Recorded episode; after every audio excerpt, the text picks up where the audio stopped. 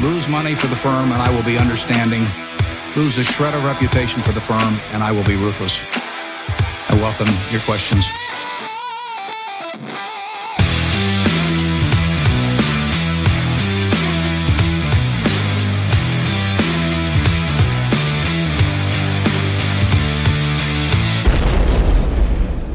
Välkomna till Kvalitetsaktiepodden. Det är jag som är Ola. Ja, och det är jag som är Klas. Det här är avsnitt nummer 18 som spelas in torsdag den 31 maj. Och det här är ju uppenbarligen mitt i högsommaren Ola. Ja, det är det ju. Det... Supervarmt tre veckor i rad här, fyra veckor. Det är... Helt galet. galet. Galen värme och galet många avsnitt tycker ju vi då. 18 avsnitt redan. Otroligt. Är det guldklocka vid 25 eller vad? Ja, det, det beror ju på hur det går på börsen. ja, jo. Eh, så är det ju va? Mm, nej, det är kul. Jättekul. Ja, mm. nej, men det börjar bli lite innanför västen i alla fall. Mm. Vi får se mm. eh, hur länge ni står ut. Eh, vi har lämnat rapportperioden bakom oss nu då. Mm. Och då kanske vi kan prata lite mer fritt och hjärtat idag. Ja, jo, det absolut. Men vad ska vi då prata om idag, Ola? Ja, det blir vi, som... chans, vi har alltså chansen att prata om precis ja. vad vi vill här nu. Nej, det blir ju bolag va. Ja. Eh, men en hel del faktiskt eh, där eh, lyssnare har skickat in och ställt frågor och, och sådär. Vill, haft lite, vill ha lite uppdateringar ja. och ja. saker vi har pratat om förr och sådär. Men lite nytt också då. Mm -hmm. Så det... Så... Nej, jag hoppas det blir ett matnyttigt avsnitt faktiskt. Mm. Och innan, ja, och innan vi drar igång med det då så vill vi också påminna våra lyssnare om att aktieinvesteringar alltid innebär ett stort risktagande. Aktier kan både gå upp och ner i värde. Satsa därför aldrig kapital på aktier som du inte är beredd att förlora. Av transparensskäl berättar vi också om eventuellt eget ägande i bolagen vi pratar om i avsnittet. Detta ska inte betraktas som en köp eller säljrekommendation. Gör alltid din egen analys av läget i bolagen innan eventuell handel. Och nu har vi alltså ett nytt bolag. Eh, ja, det vi har vi. är ju lite tråkiga. Vi tuggar ju om många bolag va? Men det är ju så för vi tittar ofta på inte oändligt många ja, bolag. Vi har 50 till 70 bolag. Äh, ah, säg 70 bolag ungefär som vi följer per kvartal och sen så kan man ju såklart prata om fler och de här norska vi har tagit upp. Mm. Så att men liksom det finns inte oändligt med kvalitetsbolag om vi inte ska börja följa Fingerprint här och, och så va. Så mm. att vi, klart vi kommer mata om med någon form av eh, återkommande liksom. Eh, mm. Ja, och ja. lite återkopplingar vi gör idag också. Eh, viktigt att vi, vi kommenterar vad vi tidigare har pratat om. Ja, jag tycker, när läget ja, förändras. Det är väldigt många som slänger ur sig något och sen aldrig gör en uppföljning på det. Och jag tycker det är också väldigt viktigt. Och visa på att äh, det gick inte riktigt som vi trodde eller det här har utvecklats långt bättre än förväntat och så va. För att, eh, ja. Mm. Så att det jag tycker jag är viktigt. Men ja. idag blir det ju lite nytt här, absolut. Ja, vi, vi ska ju inleda med det. Det var det, det var det jag var på jakt efter här. Att mm. Du har lyckats gräva fram ett nytt bolag ur rullorna här. Mm. Eh, Concilium. Ja. ja. Det är alltså ett globalt teknikbolag inom säkerhetslösningar. Och då är det mycket kopplat till brand och gasdetektion då i miljöer där det vistas mycket folk och lite känns lite instängda miljöer ibland också. Det är fartyg, det är ja. tåg spårbundet mm. men även, även vanliga fastigheter och sådär. Då, Väldigt va? mycket fartyg är det ju. Ja, och mm. det man ska säga här nu då att utöver, utöver det här då så har ju det här en bolaget en balansräkning som ju kan få den mest inbitna investeraren att rådna. skulle jag vilja säga. För att det här ja, det, det är lite ansträngt. Men det, det, du kommer ju återkomma till det då va? Ja, ja. Men varför pratar vi då om det här? Jo, idag har de köprekats av självaste Rickard Bråse på Dagens Industri. Ja, det var ingen bråsning här på, i dess eh, vanliga bemärkelse, det vill säga Nej. att man råslaktar, utan här var det köprek med fullt blås, 100% potential och, och hela kittet. Var aktien var upp 20% såg jag här innan vi gick in i, i studion. Det är ja, otroligt att den rek. Vi spelar in på eftermiddagen här. Vet inte vad, hur, vart aktien slutar idag, men ja. så, så, är det ju. Ja, vad säger, vad säger du om det här Ola? Eh, ja, det här är ett bolag jag faktiskt har följt under lång tid så att jag har hygglig koll på det och man är ju i process där man renodlar lite nu och tar bort dödkött eller åtminstone navigationsdelen och siktar mer på det här med säkerhetsprodukter och säkerhetssystem. Eh, och vill liksom få all verksamhet att eh, kretsa kring det då. Eh, och det här är ett intressant bolag på en intressant marknad tycker jag intressanta produkter. Man har 50% av omsättningen på eftermarknad så det finns mycket bra här tycker jag faktiskt. Eh, och eh, väldigt o, eh, liksom en undanskymd tillvaro på börsen. Så många av de bolag vi pratar om mm. eh, är ju faktiskt ganska små och, och liksom inte så uppmärksammade. Ja, nej, men det har väl pratats mycket om att säkerhet är ju en makrotrend. Mm. Samtidigt som många bolagen i branschen verkar ju inte kunna skörda Nej. Eller än så länge har man inte skördat några frukter i alla fall. Nej, och det var lite, vi pratade om Nederman här någon gång och så. Det, var, det är ju liksom miljötrend mm. och säkerhet och miljö på arbetsgolv. Mm. Eh, får inte heller riktigt den här farten som man kanske hade trott. Och, mm. men, men visst, det är en makrotrend här men det tar inte riktigt fart då. Ja, jag såg att Consilium även mätte uh, miljö påverkan, alltså emissioner kallas väl det, miljöutsläppen från, mm. från fartyg också. Jag har ingen aning, det kan ju vara obefintligt lite. ja, men, ja. Eh, ja, men det är väl inte den grejen de är Nej, stora på. brand och rökgasstraff, ja. ja, så är det. Eh, och man har eh, hygglig historik tycker jag. Det är inga liksom förlustår och så och man tuggar på. Jag tror man har 6% omsättningstillväxt sista 10 åren i snitt och vinsten har ungefär ökat med samma då. Man eh, har dock haft ganska svag orderingång senaste månaderna här nu har jag sett. Eh, har minskat under de första fyra månaderna här 2018. Och eh, ja, jag, jag tycker Bolaget är intressant men balansräkningen som du sa här.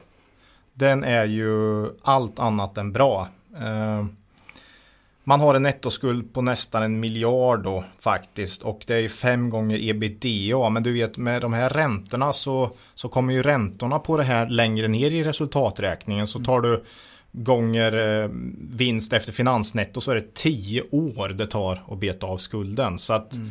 eh, ja, jag tycker liksom balansräkningen här är oerhört jobbig. Mm. Och, och jag förstår eh, Rickard Bråse när han pratar om det här som ett intressant bolag. Det kanske är P11, 12 och bra marknadsförutsättningar globalt. Och, eh, sådär. Jag, jag, jag, tycker det känns intressant men jag tycker man min, missar ju liksom halva analysen om man bara tar uppsida. Det är många som pratar uppsida och vad har det för potential och vad kan, hur ser framtiden ut? Oh, man målar upp en bra trolig bild. Mm. Och det kanske är den troliga bilden att Consilium är lågt värderat och kommer eh, liksom stiga på börsen. Mm. Men med en sån här balansräkning så är ju nedsidan ganska hisklig om de skulle komma ett par tuffare år. Mm. Så eh, jag tycker väldigt många gör halva analyser och missar eh, worst case på något sätt. Det måste komma in i analysen. Och många bra investerare har ju generellt väldigt få riktiga plumpar. Mm. Det kanske inte är så att man rider med de här eh, tusenprocentarna. Men man undviker väldigt, eller man har väldigt, väldigt få riktiga plumpar. Och då måste du kolla på balansräkningen också. Mm. Eh, ja. Nej, det, det, här är ju inget värdecase om vi säger så då. Nej, det, det är liksom... Ja, jag, jag, tycker just det här med balansräkningen måste in. Mm. Det är bara så. Det är, det är, farligt att bara kolla på en trolig utveckling av vinst per aktie. Mm. För eh, balansräkningen är hela risknivån där tycker jag egentligen. Mm. Så att jag, jag, tycker han missar det lite Rickard här faktiskt. Ja, nej, han, han, näm man... han, nämnde det i artikeln. Mm. Och såklart, självklart. Och han sa nog också att det var fem gånger ebitda. Mm. Men att man ändå liksom bara drar ett streck över det och sätter Köp. råköp 100%, 100% upp. Mm. Men just den här lilla risken som är nog där och gnager. Om den är liksom att du kan bli av med hela ditt insatta kapital, då är det inte värt. Liksom. Eh, den riskjusterade avkastningen, mm. den tycker jag man glömmer ganska ofta. Ja, nej men jag vet inte, det är ju typ den viktigaste parametern när du ska sätta en köprek någonstans. Jag är lite ja. förvånad, det, i USA, i Sverige är det ju antingen, antingen blir det sol eller så blir det regn. men i USA så procentsätter, procentsätter man ju det här då. Att, ja. ja 60% chance mm. of rain och så. Mm. Mm. Showers säger de kanske. Ja. Och det, ja, då får man ju nästan börja med det då. Mm. Om, de, om de ska ha den här typen av köprekar så får de ju börja säga, och det är ju med en extremt hög risk. Mm. lite grann som fonderna blir klassade. Liksom. Ja, just det. Och i, hög, alltså i, många, i högkonjunktur så kan det ju vara en jättebra strategi. Mm. Bolag som liksom kan öka vinsten ganska fort. Men om det inte är högkonjunktur då, vad händer då? Mm. Uh, och det tycker och som jag sa när vi pratade om börskrascher här 2008. bolagen med svag eh, balansräkning var ju de som gick absolut sämst. Hexagon minus 90 procent. Liksom. Eh, ja. Så Nej, det är klart du blir rädd. Mm. För du tror ju inte att de, de kommer inte kunna refinansiera sig liksom och marknaden försvinner för alla. Mm. Vilka är det som ska slås ut här? Ja, Consilium har ju många lyx, eh, alltså sådana här riktiga la, eh, lyxfartyg va? Mm. Eh, som kunder och så. Så att det kanske...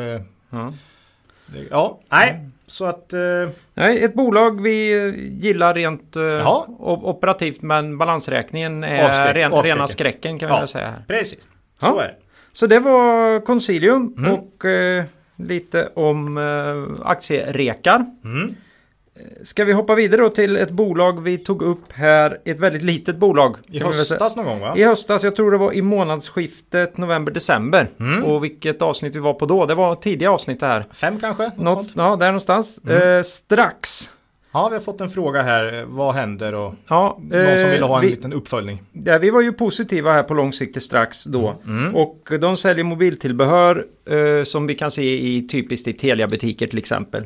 Och de har ju en hel del egna märken och eh, även återförsäljare åt några. Men de som är mest kända är väl Gear 4 Exquisite på mobilskal och sen Urbanista som hörlurar och ja. hörsnäckor och sådär. Ja. Man har även agentur för eh, Adidas mm. prylar till mobiltelefon, tillbehör och så. Ja, Adidas har ju varit superhett ja. som märke. Det har mm. inte märkts så mycket hos Strax nej, kanske. Nej, men om, om vi börjar då. Eh, med det positiva. Vi har två delar här skulle jag säga av det här bolaget. Eh, Q1 nu då som släpptes visar på fortsatt tillväxt. Omsättningen upp 9%.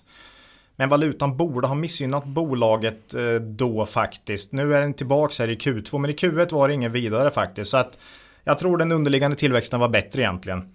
Ebita ökade med hela 67 procent. Eh, ja, från 0,6 miljoner euro till 1 miljon euro.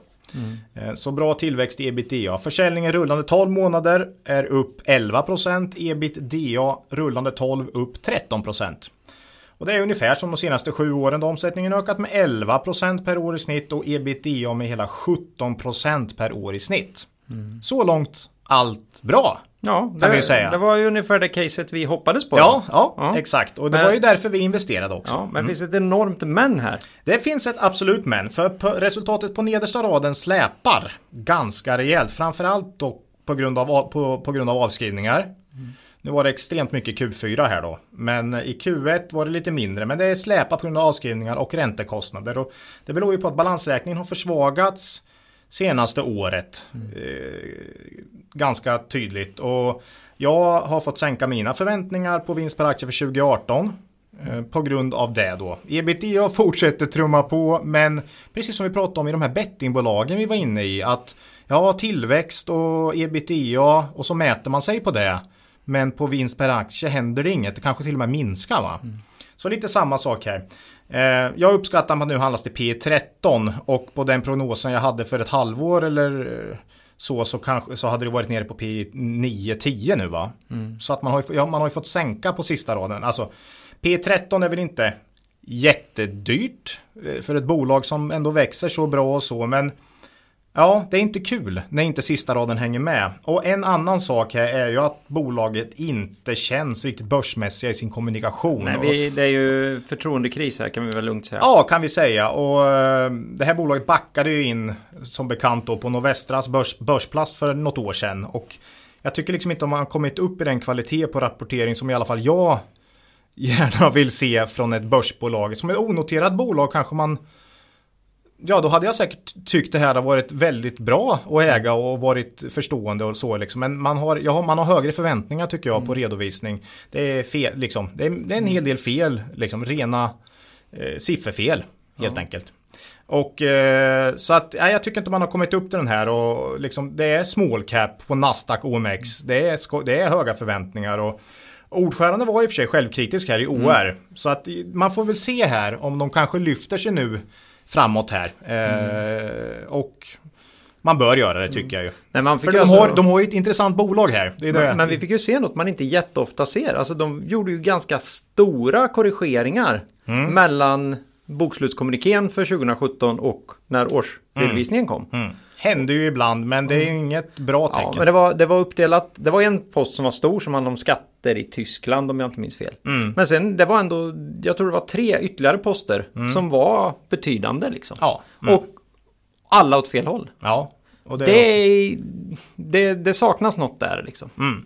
Det, det är inte börsmässigt helt enkelt. Nej, och jag tror mycket det att det är ett globalt bolag som har blivit inplockat på en marknadsplats här och inte riktigt kommit. De, har, de är inte i kapp helt enkelt. De är inte där än. Eh, rent eh, rapporteringsmässigt helt enkelt. Eh, ja, vi får se om de blir bättre. Vi har kvar eh, det mesta av våra aktier. Vi får se hur, jag tycker ett in, mycket intressant långsiktigt case, men de har ju en hel del att jobba på här i närtid, helt klart liksom. Eh, får vi se eh, vad som händer. Men ja. eh, ja, det känns som att det, det kan ta tid. det kan ta tid. Och, och att ägna sig åt lite misshandel av sina aktieägare under tiden det känns inte jätte... Nej, känns inte jätte- Å andra sidan är det ju alltså, det här är ju en extremt illikvid aktie också. Ja. Det har vi pratat om innan Det det sa vi när vi tog igen. upp, tog upp det i höstas. Och vissa aktier tycker jag att vi, vi ska säga det. Vi måste säga det. För att liksom 550 kronor kan sänka kursen 3% en dag. För det är bara 550 kronor omsatta liksom. Eh, Ja, det- Så att det, det ska man också komma ihåg. Nej, det här är ju som att ha ett onoterat innehav. Om, Det är som om man mm. ska in med något kapital överhuvudtaget. Ja, och det är väl lite så vi ser det. Men ja, det, det, det känns som att Topline och ebitda rullar på som vi har förväntat. Men på nedersta raden och rent eh, rapporteringsmässigt tycker vi de haltar lite. Så där är det. Men vi har kvar våra aktier än så länge. Så det var, det var strax. Ja, Då ska vi eh, hoppa vidare här då. Eh, lite... Ja, djupare eller grundare analyser vet jag inte. Vi brukar ju gå igenom allting ungefär lika mycket oavsett vad vi har tänkt från början. ja. Så att, eh, men ännu ett nytt bolag då. Mm, mm. Ja, kul. Eh, och de här tycker jag är, är spännande men fruktansvärt svårt. Uniflex. Mm. Det här är ju... Eller ett, Uniflex, jag vet Ja. faktiskt inte. Uniflex, ja, låter nästan bättre. det är jag- säkert Uniflex Ja, då. mm. Du har ju hållit på med det mycket längre Ja, än mig, så ja. då säger vi det. Mm. Eh, Uniflex. Eh, det här är ju bemanning inom tillverkningsindustri väldigt. Mm. mycket. Eh, att jag ska säga mer folk som jobbar på riktigt än tjänstemän då. Ja, för att, för att tala 70 ur skägget här. Det är inte- det- 75% blue collar som man brukar Ja. säga då. Alltså blåställ på va. Ja. Istället för eh, ja, white eller åtminstone ja, eh, skjorta. Ja. Ja, 25% skjorta och 75% blåställ. Så kan vi säga. Mm. Eh, och de här har du tagit och tittat lite på här nu Ola. Mm, har jag gjort. Ehm, Q1 kom in ungefär som jag hade trott faktiskt. Och omsättningen stod i princip stilla. Eh, Ebit faktiskt ner 13%. Mycket på grund av påsken här tror jag. Det här är ju stenhårt på antal arbetsdagar och det är låga marginaler. och Det slår ju hej vilt om du tappar en eller två dagar till exempel. Då. Vinst per aktie dock upp eh, på sista raden då. Eh, Bra finansnetto. Eh, som jag sa då, 75% är då mer verkstad, eh, industri och så. 25% tjänstemän. 90% av omsättningen i Sverige, så det är ju klart eh, beroende av hur det går för Sverige då. Konjunkturmässigt såklart. Ehm, och man hade senast i den här eh, lågkonjunkturen då efter finans så var det liksom omsättningen kunde rasa, jag tror det var 25-30% då något enskilt år där. Men man höll vinst alla kvartal tror jag faktiskt om jag kommer ihåg rätt. Och det visar ju på att man har en väldigt rörlig kostnadsbas här. Man kan säga upp de här eh, kons ja, konsulter är det ju inte. Eh, personal, Sin inhyrd. personal är det ju. Ja, sin personal. Ganska snabbt här. Så man kan, Anpassa kostymen här Ja. väldigt effektivt. och det är intressant tycker jag faktiskt. För man gillar ju bolag som aldrig gör förlust på något sätt och kan, och kan liksom styra sin kostnadsbas. Så det är absolut en, en, en positiv sak. Eh, Man har ett marginalmål på 5% och det har man haft ja, 10 år vad jag kommer ihåg. Och då ligger man naturligtvis där också. eller? Nej, det gör man inte. Sista sex åren har man inte ens varit nära faktiskt. Man har 2,2 i snitt på sex år och då börjar det bli så här att man det börjar bli lite nästan larvigt till slut att ha de här målen. Eller så är det så här att nej, vi ska tillbaka och det visar på något sätt på någon potential. Men någon gång, öv- alltså tror man på ett bolag som hävdar att marginalen är över 100% över vad man har legat på sex år i rad liksom. Det, Ja, Ja, den rimliga på något sätt. ja, det, att de tycker att det ska vara liksom i snitt 5% per år. Och nu ligger man på 2,2% i sex år i, liksom, i snitt. Nej, man, vi får nog åka dit och undervisa lite i det här med mål och vision. och Ja, ja, ja. ja, de vill kanske inte sänka, jag vet inte. Jag vet inte. Men det, Det är väl det här klassiska att äh, men vi möter så hård konkurrens. Mm, Ja, är, när, när försvinner den då? mm, ja, Det är kanske så här hela marknaden ser ut. exakt. Och kanske man ska justera målen istället då va? Eh, omsättningen har dessutom sjunkit från 1,6 miljarder till 1,2 miljarder senaste fem åren. Så man har liksom tappat omsättning och det här, det här trots att bemanningsbranschen har ökat som helhet i Sverige och alltså både sett total men också sett i Uniflex eh, andel här då som är då mer eh, industri va. Den har också vuxit så att här har man tappat marknadsandelar ganska rejält. Faktiskt. Eh, och jag tror man har, man har 3-4% av, eh, av marknadsandelen i Sverige. Så man är inte stor här. Det kan vara så att Manpower, Adec, det, det är stora drakar som går in och plockar här nu helt enkelt. Och med lite lägre kostnadsbas kanske kan slå ut mindre.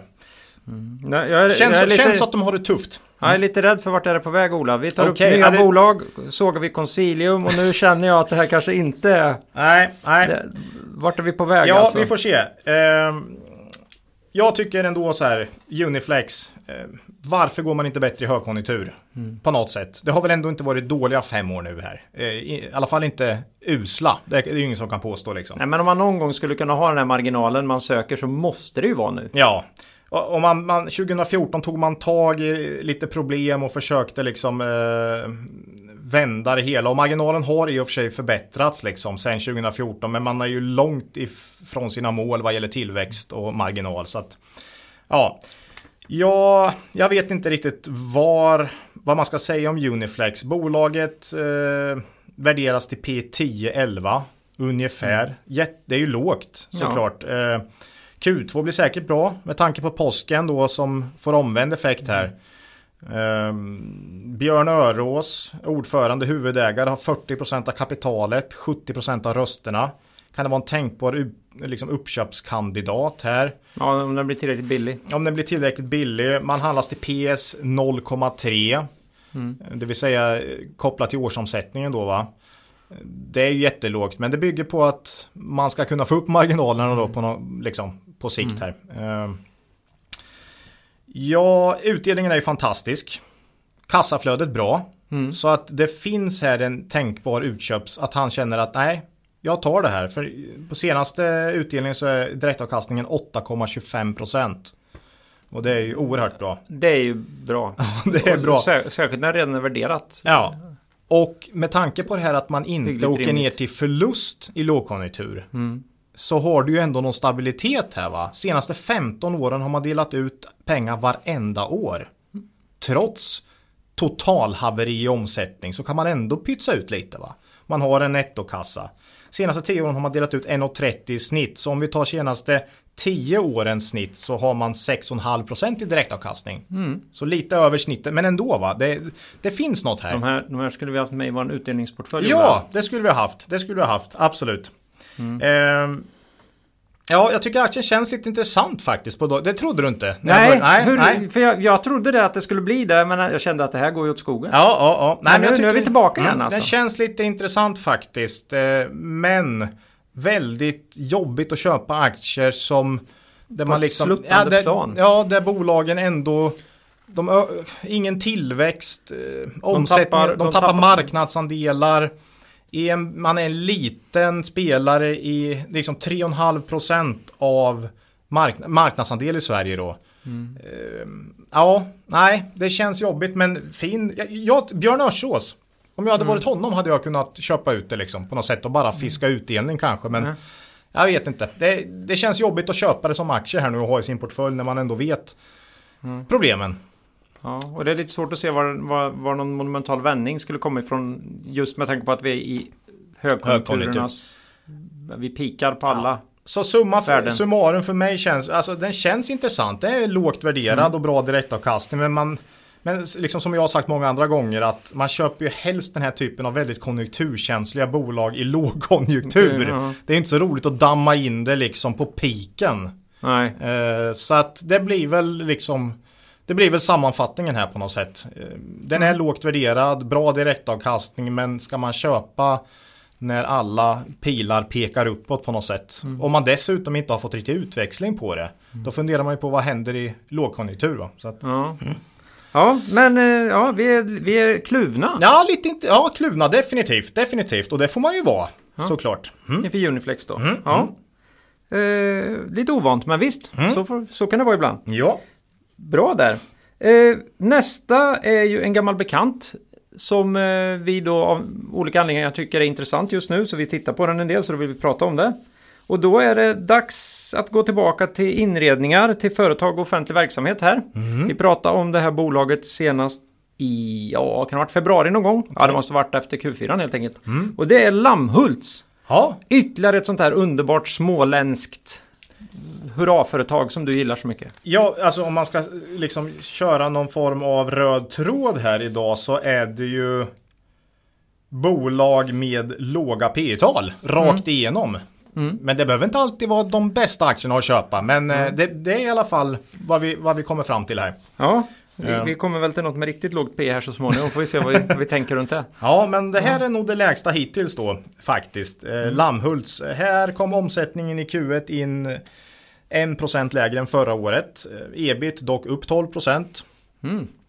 Orderingången sjönk 15% men det var brutalt starkt förra året. Lite som vi pratade Nilörn. Eh, Det var Omöjlig, ruggigt- omöjliga ja, jämförelsetal. Framförallt på orderingångsnivå där vet jag. Det var några riktigt stora order som kom in förra året då. Senaste 10 åren har omsättningen vuxit med i snitt 1% per år. Det är lite Svedbergs här. Tråkigt, eh, taktar på, inga riktiga plumpar men heller ingen riktig kvalitet och stabilitet i marginalerna. Senaste fem åren har omsättningen vuxit med 6% per år, så lite bättre sista åren. En del förvärv också där. Man är en bra bit under målet på 10% i tillväxt faktiskt. Och det är lite som vi pratade om Uniflex här. När vad man- gäller mål. Mm. Ja, man, vuxit, man ja, man har vuxit 1% i snitt per år sista 10 åren och man har en mål på 10. Det är, det är för långt ifrån. Ja, det är visioner igen då. Det är visionen. Och ko- kollar man på ebit-marginalen så har den senaste 10 åren legat på 4,7%. Senaste 5 åren på 4,4% och här ligger man på 8 i mål. Så att det är lite samma sak här va. Det är, sk- ska man överge mål eh, så är de realistiska ens. Mm. Ska man ha mål som man aldrig ens är nära Ja, det är ju det är, det är inga guidningar direkt. Säga. Nej, men jag ser ganska, jag tycker jag ser ganska många som just kör den. Att ja, närmar de sig bara sina finansiella mål så ser det här vrålbilligt ut. Mm, Ja, det gör det. Men, men jag tycker historiken är ju också en väldigt stark parameter här. Liksom. Om man inte ens är nära sina finansiella mål så kanske man inte ska ha det som någon form av trolig framtidsscenario. Liksom. Nej, inte om man inte har gjort någon... Alltså om man ångar på likadant och förväntar sig att marknaden ska förändras Mm. Ja. de procenten. Du, du behöver nog göra något ganska strukturellt i bolaget. Det- antingen produktion eller sälj eller Mm. Nu, utbud. har, eller... mm, nu har faktiskt Lammhults flyttat lite produktion här sista året. Så att eh, visst. Mm, De kanske gör något. Ja, och man var ruggigt besviken vad gäller marginalutvecklingen för 2017 här när jag läste årsredovisning och, och så. Det var stora tårar kände jag liksom att man inte hade lyckats prestera bättre på marginalnivå under 2017. Och det kändes verkligen som att man, ja, 2018, då ska ni få se. Så det är lite den känslan jag får i Lammhults här. Att bära eller brista på något sätt. Nu ska marginalen upp här, för den landar på ungefär 5% 2017 då. Eh, Q1 var också bättre marginalmässigt än förra året. Så att man, är på, man har ju börjat bra om man ska säga att marginalen ska upp i år. Då, va? Eh, ja, jag tror man kan öka omsättningen lite grann i år. Eh, tror jag. Och eh, eventuellt kan något förvärv komma in tror jag. Mm. Man har faktiskt en balansräkning som är lite starkare än sina finansiella mål. Då man eh, faktiskt har ganska, tillåter ganska hög skuldsättning. Men det har man inte. man Nej. kanske inte närmar sig de här målen Nej. heller. Nej. Sku- Skuldsättningsmålet. Det här är också ett bolag som värderas under eget kapital. Och det ser man ju inte, inte ofta. Nej, ser man ju inte ofta alltså. Nu är det en hel del goodwill här. eh, Så att det kan vara svårt att veta om det verkligen är de här värdena. Men ändå, jag tycker mm. det är ganska sällan man ser det eh, faktiskt. Eh, ja, med viss omsättningstillväxt och ebit-marginal eh, som stiger en del i år så värderas aktien lite under 10 faktiskt tror jag i PE. Mm. Och det är ju väldigt lågt såklart och lägst eh, av de vi har tagit upp hittills här idag. Mm. Historiken är ju inte den bästa dock och man hade ju rejäla problem efter finanskrisen.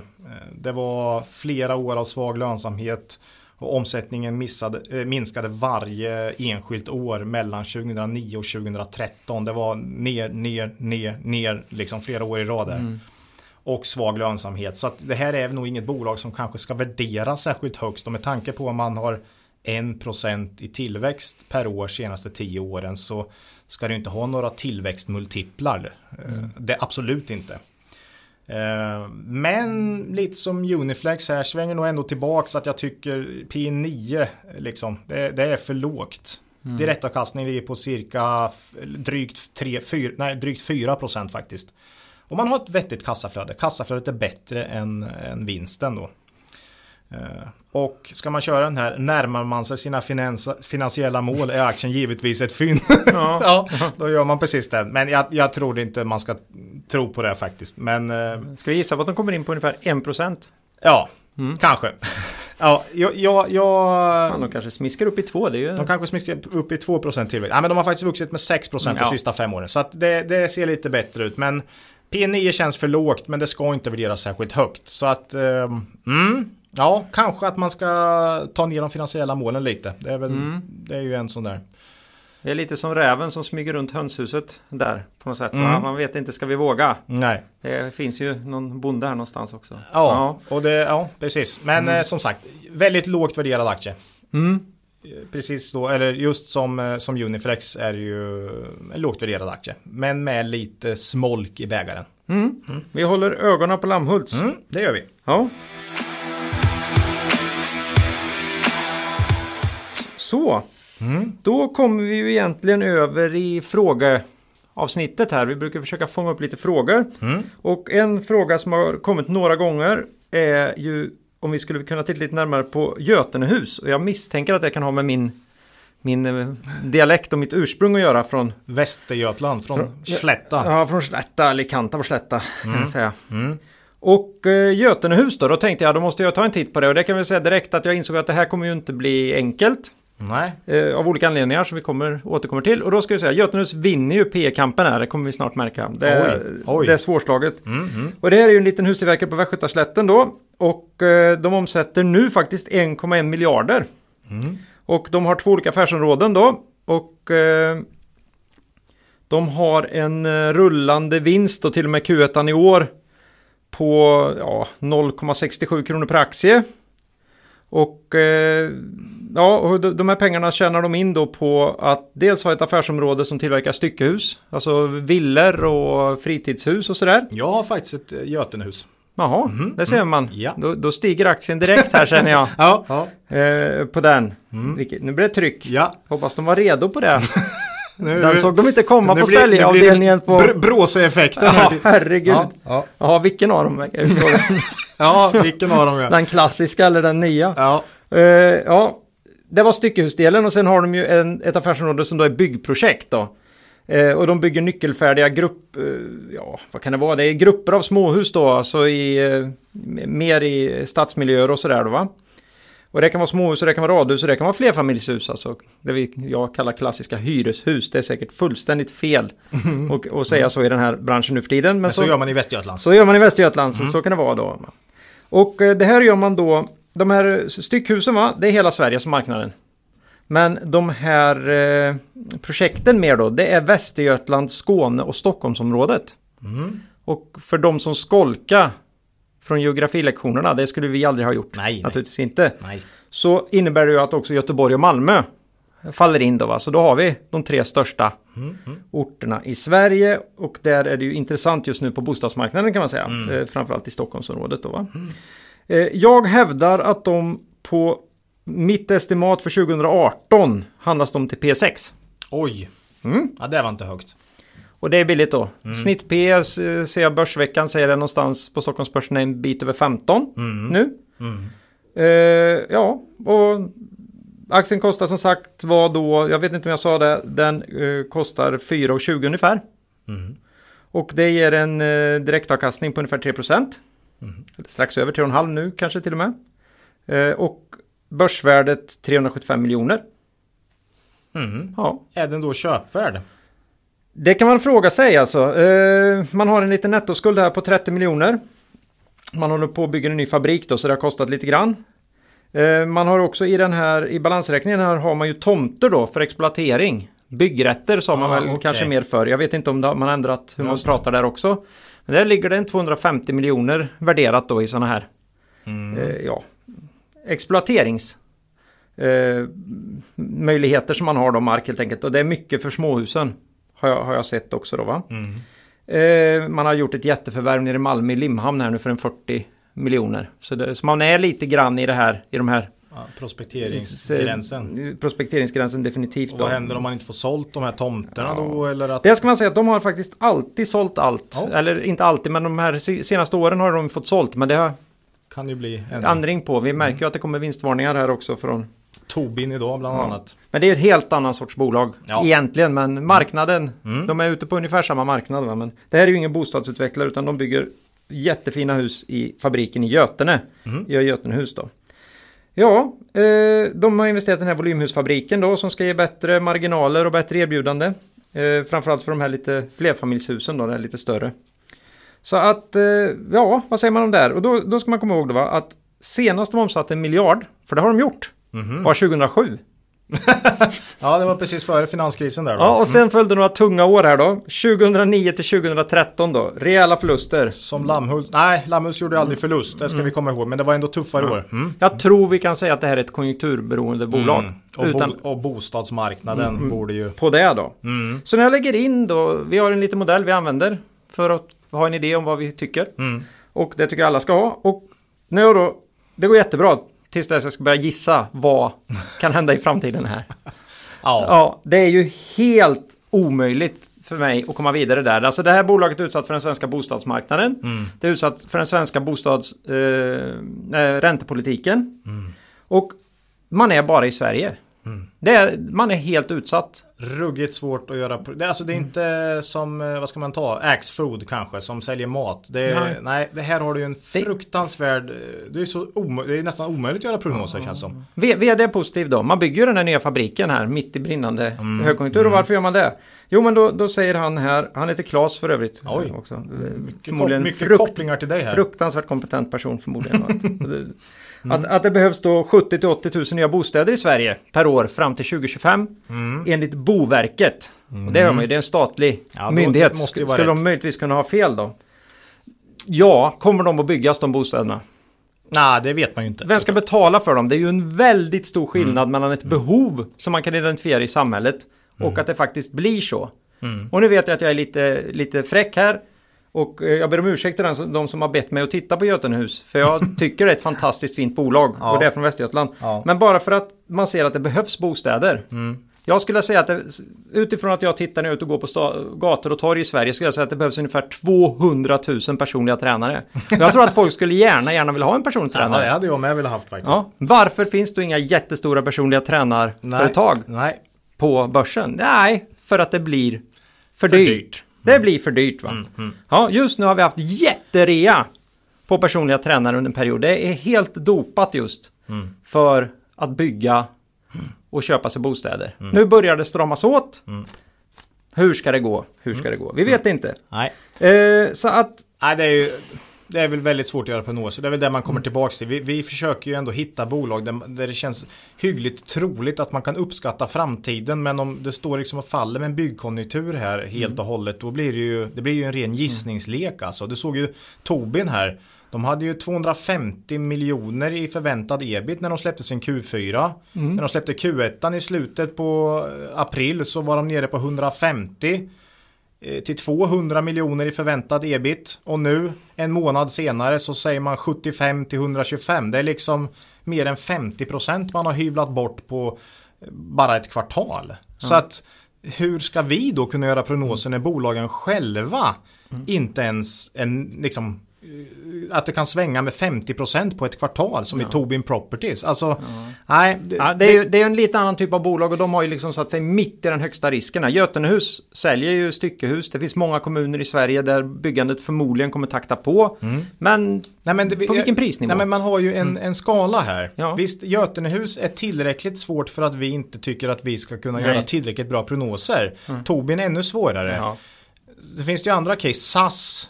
Som står och faller med något bensinpris och liksom Ja, det, alla de ja, här vi är ju hos råvarubolagen igen som vi pratade om Ja, här, här förleden också. Mycket är ju råvaror. Alltså det är också så här väldigt, de står och faller med ett världsmarknadspris då. Helt plötsligt kan vinsten gå upp liksom 200% och sen faller den tillbaks till noll och ner på minus. Så att den typen av bolag investerar vi sällan i eftersom det är nästan omöjligt att göra prognoser på kort sikt. Ja. Nej, men det blir enormt mycket politisk risk. Det är jättemycket makro. Det blir oerhört mycket världskonjunktur Mm. av det liksom. Ja.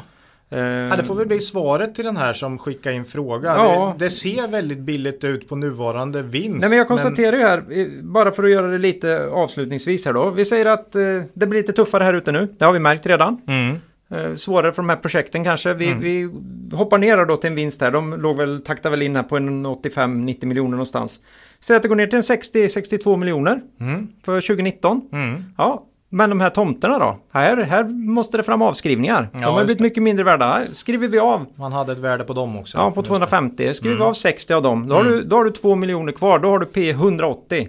Alltså, och det är bara Ja, trams naturligtvis. ja, P är inte relevant Nej, vid nej. den här typen av hyperkonjunkturkänsliga bolag. Svårt. Du måste titta på dem Mm. På ett sätt som vi inte kan. Vi behärskar ju inte det här. Nej, så vi, nej. jag, jag kan inte negga ut nu. Det finns ju de som kan tjäna säkert massor med pengar Mm. på att red, klara av att reda ut den här typen av underliggande faktorer som är helt avgörande. Oljeprisutveckling, Ja. kanske sitter och analyserar. Alltså, Räntorna är ju Ränt- helt ja. avgörande här. Nej, att, men Tror vi, man på Ingves eller inte och Ja, sådär. men vi, klar, vi, kan klarar- inte det. Nej.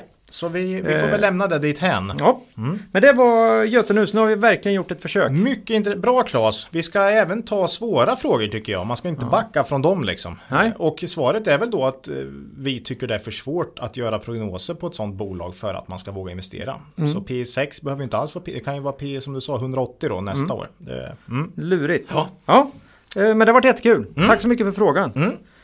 Eh, Sista bolaget för idag då. Och det var också en fråga. Ja. Det är många som har surrat om det här bolaget sista Det här är tiden. ju hett. Ja, det är oerhört. Hot topic. Ja, verkligen. Vi har ju pratat om det flera gånger förut. Ja, minst en vet jag i alla så fall. ni som inte orkar att vi alltid tar upp samma bolag får hålla för öronen här i några minuter. Ja.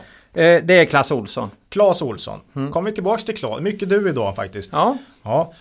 Och eh, vi har I fått in en del frågor på det här faktiskt. Det är nog aktieägare säkert. Eh, som Mm. är väldigt oroliga. Aktien har ju tappat 50% på något år här. Och vad händer? Mm. Eh, Gamla fina anrika Clas Olsson. De har ju dragit igång någon kampanj här nu. 100 år till. Eh, det är ju tragiskt egentligen. Ett Mm. var det det med visioner eller ett mål? Ja. ja, det kan också vara en röd tråd för det här, för det här avsnittet. Förutom det här att P10 inte alltid behöver vara klockrena köp så kan det andra vara att ha relevanta mål kanske. Nej, Clas Olsson är nere där nu va? Ja, Claes Olsson är nere på P10 nu faktiskt. Så att de är där. Och det var ju P20 för bara några år sedan. Eh, Och jag förstår att många ställer frågor och vi är ju som sagt, vi är ju inga facit, utan det, man kan bara resonera. eh, och Vi har ju ägt det här bolaget till och från. Vi har pratat om det i podden också. Nu var det länge sedan Ja, jag ja, ägde det. men- Men... men något år, två år sedan tror jag sist jag ägde bolaget. Men Vi har ju sagt att vi vill invänta och se. Mm. Det här är, står vid sidan av och vänta och se. det är mycket H&M här. Ja, Lite samma tidigare. Ja, Men- det har vi sagt tidigare. Ja. Eh, ja, nu kommer man då med rapport nästa vecka. Kanske därför det har regnat in frågor. Folk eh, funderar här. Och jag, har sett, Aj, aj, aj. jag vet inte. Och jag har sett massa säljrekar har kommit här nu från olika banker och institut. Så att eh, ja, jag förstår att folk funderar. Eh, rapporten kommer visa på en omsättningsökning på 7%. Det vet vi redan. För det har de faktiskt släppt här eh, för ett tag sedan. Och det är ju absolut bra. Eh, man är dock ute och eh, har berättat i samband med det här att man har ju lagt väldigt mycket på eh, till, alltså marknadsföring. Rea. Ja, det kan det också vara, men jag tror Ja, man har säkert sänkt priserna lite. Du måste ju mm. konkurrera på rätt nivå, annars får du inte sålt någonting. Mm. I en marknad där nästan alla sorterar på lägst pris så får du inte sålt någonting om du har ett mm. par spänn över liksom. Ja, rea var ju fel. Jag tänkte att man kanske ja. har minskat sina marginaler lite grann. Mm. Mm. Eh, men man säger i alla fall att man har gjort omfattande kommersiella satsningar. Mm. Så uttrycker man sig. Och det är väl då Fint. marknadsföring skulle jag säga. Eh, dessutom då så har man eh, tagit kostnader på 30 miljoner för en strategisk översyn med mera. Mm. Eh, vet inte riktigt vad som innefattas där men det är ju bevisligen så att även företaget känner att nuvarande bolag inte riktigt är konkurrenskraftigt i framtiden. Mm. Det är ju en sån känsla man får om man ska göra den typen av översyner. Och, eller åtminstone man känner att alla bolag måste väl ha en vision om att växa och bli större. Och känner man inte att man har det, då måste man ju försöka hitta på no någonting. Ja, men alltså det här är ju fysisk butik nästan uteslutande mm. och, och liksom retail-döden. Är, är vi en del av den eller inte? Det måste ju vara oerhört viktigt för dem att få, ja. få fatt i så att säga. Till skillnad från många andra så tycker jag, Ho, eller eh, Clas Olsson faktiskt, där tycker jag butikerna är deras styrka på något sätt. På nätet känns det som att där kommer de aldrig kunna tjäna bra med pengar för där har de ju exakt samma mm. produkter som alla andra och det är samma leveransvillkor du får inte prata, ja kanske, jag vet inte, kon, kon, liksom på något sätt någon... Du kan Nej men där blir det ju priset. Det blir på ju nätet priset. blir det ju alltid mm. priset. Alltså, på, det... på, nätet, ja visst de kan få sålt. Mm. Men marginalerna måste ju vara jättelåga för dem på mm. nätet. Och där kommer de inte kunna ha någon konkurrensfördel. Men butikerna, innerstadslägen, äldre som går och ute på lördagspromenad, mm. går och handlar, tycker det är trevligt. Och säkert en, en, ganska kunnig personal. Så butikerna tycker jag är Clas Ohlsons styrka, men visst, det är tufft om mycket flyttar till nätet. Mm. Man har bara 5% av sin omsättning på nätet också. Mm. Så det är ju 95% i de här butikerna. Och de är mycket i Norden, eller nästan bara, eller det är bara Norden. Man har försökt mm. i England, får dra sig tillbaka. Mm. Det funkar inte. Nu har man börjat en liten satsning i Tyskland. Men det, liksom, det går så långsamt fram så att jag är liksom tveksam till det. Lite som vi pratade Europris sist. Mm. Man har sina butiker men vart ska man växa nu? Mm. Och det är tillväxten som är den stora frågan här tycker jag. Um, man har liksom inte vuxit särskilt mycket. Man har vuxit med ungefär 5% eh, per år sista 10 åren. Men vinsten har ju stått stilla sedan 10 eh, år tillbaks. Mm. Eh, det är på exakt samma nivå som den var för 10 år sedan. Så marginalerna har krympt. Mm. Mm. Ja, nej, jag vet inte vart omsättningen ska komma ifrån här framöver. Ökningen i alla fall. Man kan nog hålla hyggligt men dessutom lite prispress. Vidare prispress på produkterna och man är lite inmålad i ett hörn det är liksom inte kul att äga ett bolag som kämpar för att hålla even Steven. Tycker mm. inte jag. Det känns inte jättekul att se de rapporterna hela tiden när det bästa scenariot är en, en, en konstant vinst på något sätt. Det, det är inte det man vill äga. Nej, det är om de delar ut en jäkla massa av det här då och du känner att de, de är jättestabila och du nöjer dig med vad nu utdelningen ger. Men det, Lite Unif ja, Uniflex ja. är inte så stabil, men, men ändå. Nej, men om man skulle kunna lita ja. på det, men här, mm. de verkar ju inte ens själva veta. Nej, och det är det, för att de har ju väldigt, alltså det blir ju väldigt intressant nu nästa vecka. Kommer de behålla utdelningen? Mm. Jag läste på något forum här. Sänker de så säljer jag direkt. Alltså mm du vet, folk, det, det är det det hänger på nu hela caset. I och med att det är nere på P10, kan de hålla vinsten och dela ut, ja, då är det ju intressant. För det är ju liksom 7-8% direktavkastning då kanske. Mm. Men man skickar iväg 250 miljoner på något litet samarbete med Mathem och håller på med strategisk översyn för 30 miljoner i ett kvartal. Alltså vad vad, det känns inte som att det blir mycket kvar till slut. Nej, det är ju många A-batterier de får kränga då. Om de ska täcka upp för det. Så det kan jag säga. Ja, nej, så att eh, ja, man har fortfarande kvar nettokassa. 200 mm. miljoner och så, men ja, jag, jag, jag känner mig orolig. Väldigt orolig för Clas Olsson och det är synd. Det är ett fint bolag. Mm. Men eh, tuffa förutsättningar för att öka omsättning och vinst. Och hela caset som jag sa bygger på att man kan hålla vinsten hyggligt nu då. Mm. Och då ser det ju billigt ut. Men Det är ju liksom, det känner jag nästan är best case här.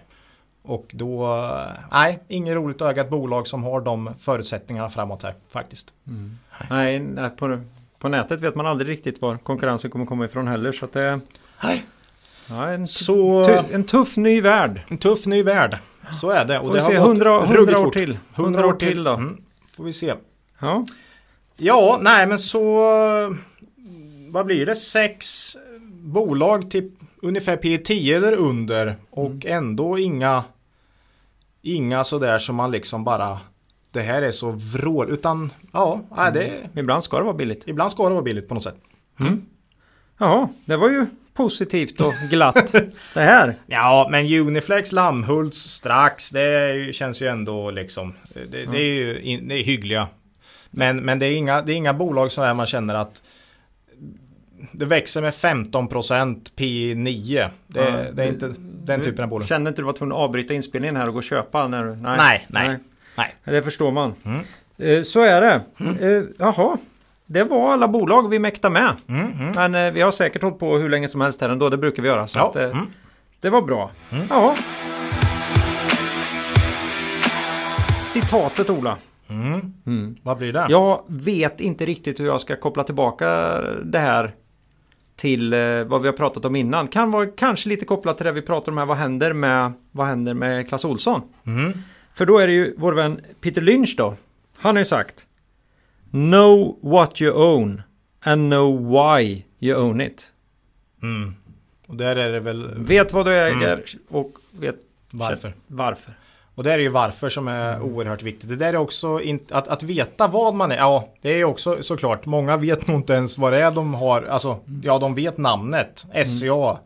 Eller uh, tel, fingerprint. fingerprint eller Telia. Men vad är pengar? Vad, vad kommer pengarna ifrån som bolaget ja. tjänar? Det är ju så att gå djupare där och också varför. För just det här varför äger du ett bolag. Det måste ju vara att du tror på någon form av framtidstro mm. i grund och botten. Att det finns ljusa förutsättningar för bolaget.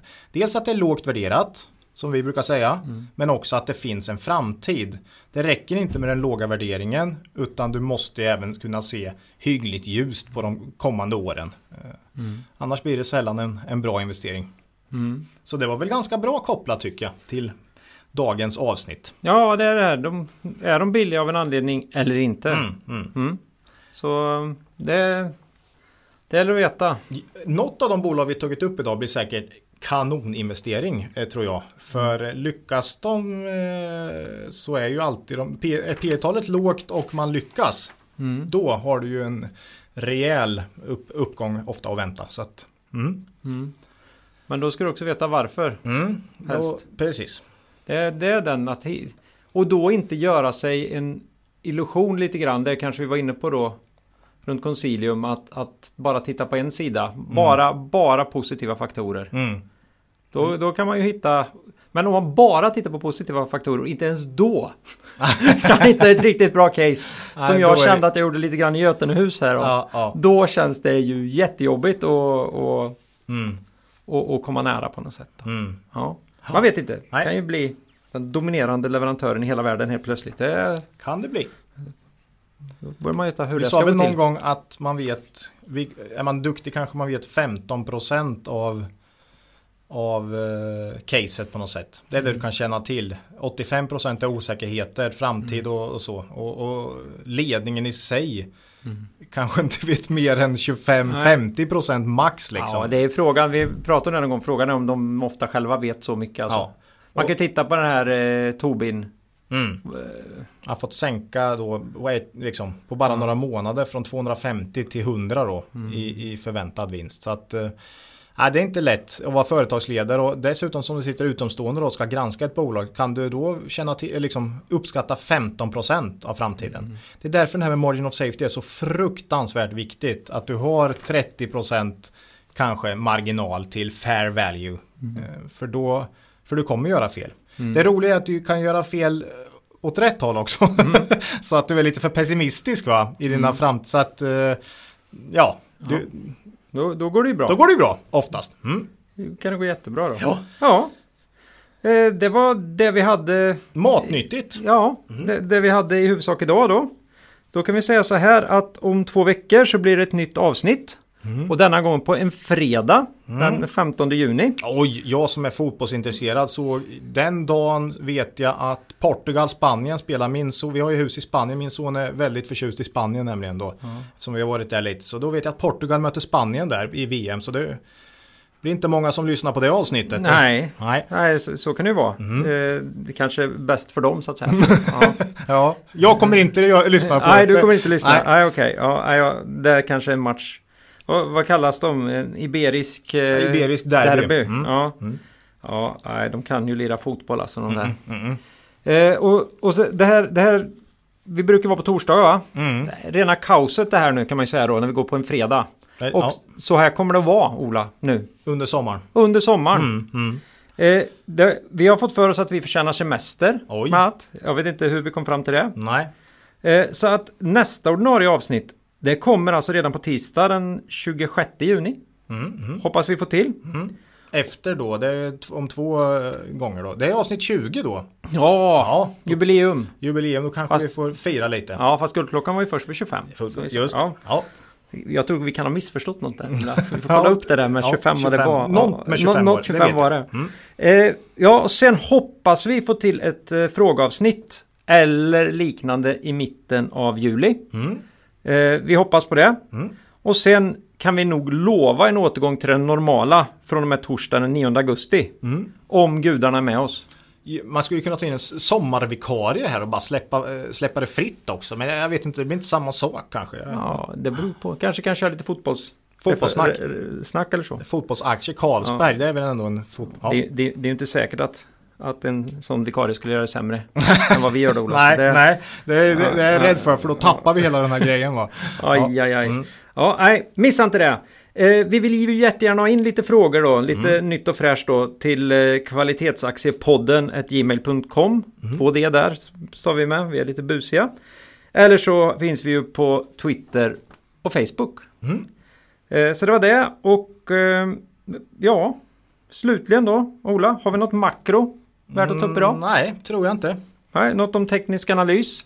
Nej, inte det heller va? Nej, och jag orkar inte heller. Nej. Det är alldeles för varmt. ja, Ja, de, de, får, de får hållas nu. Ja, ja. Ja. Så att eh, då är det det här med eget ägande då. Eh, ja, idag är det väl bara strax va? Som Ja. vi har i äger aktier i. Just det, strax. Så är det. Så Ja. då får vi säga hej då för den här gången. Och kom ihåg. Det är först när tidvattnet drar sig tillbaka som du får se vem som badat naken. Lose money for the firm and I will be understanding. Lose a shred of reputation for the firm and I will be ruthless. I welcome your questions.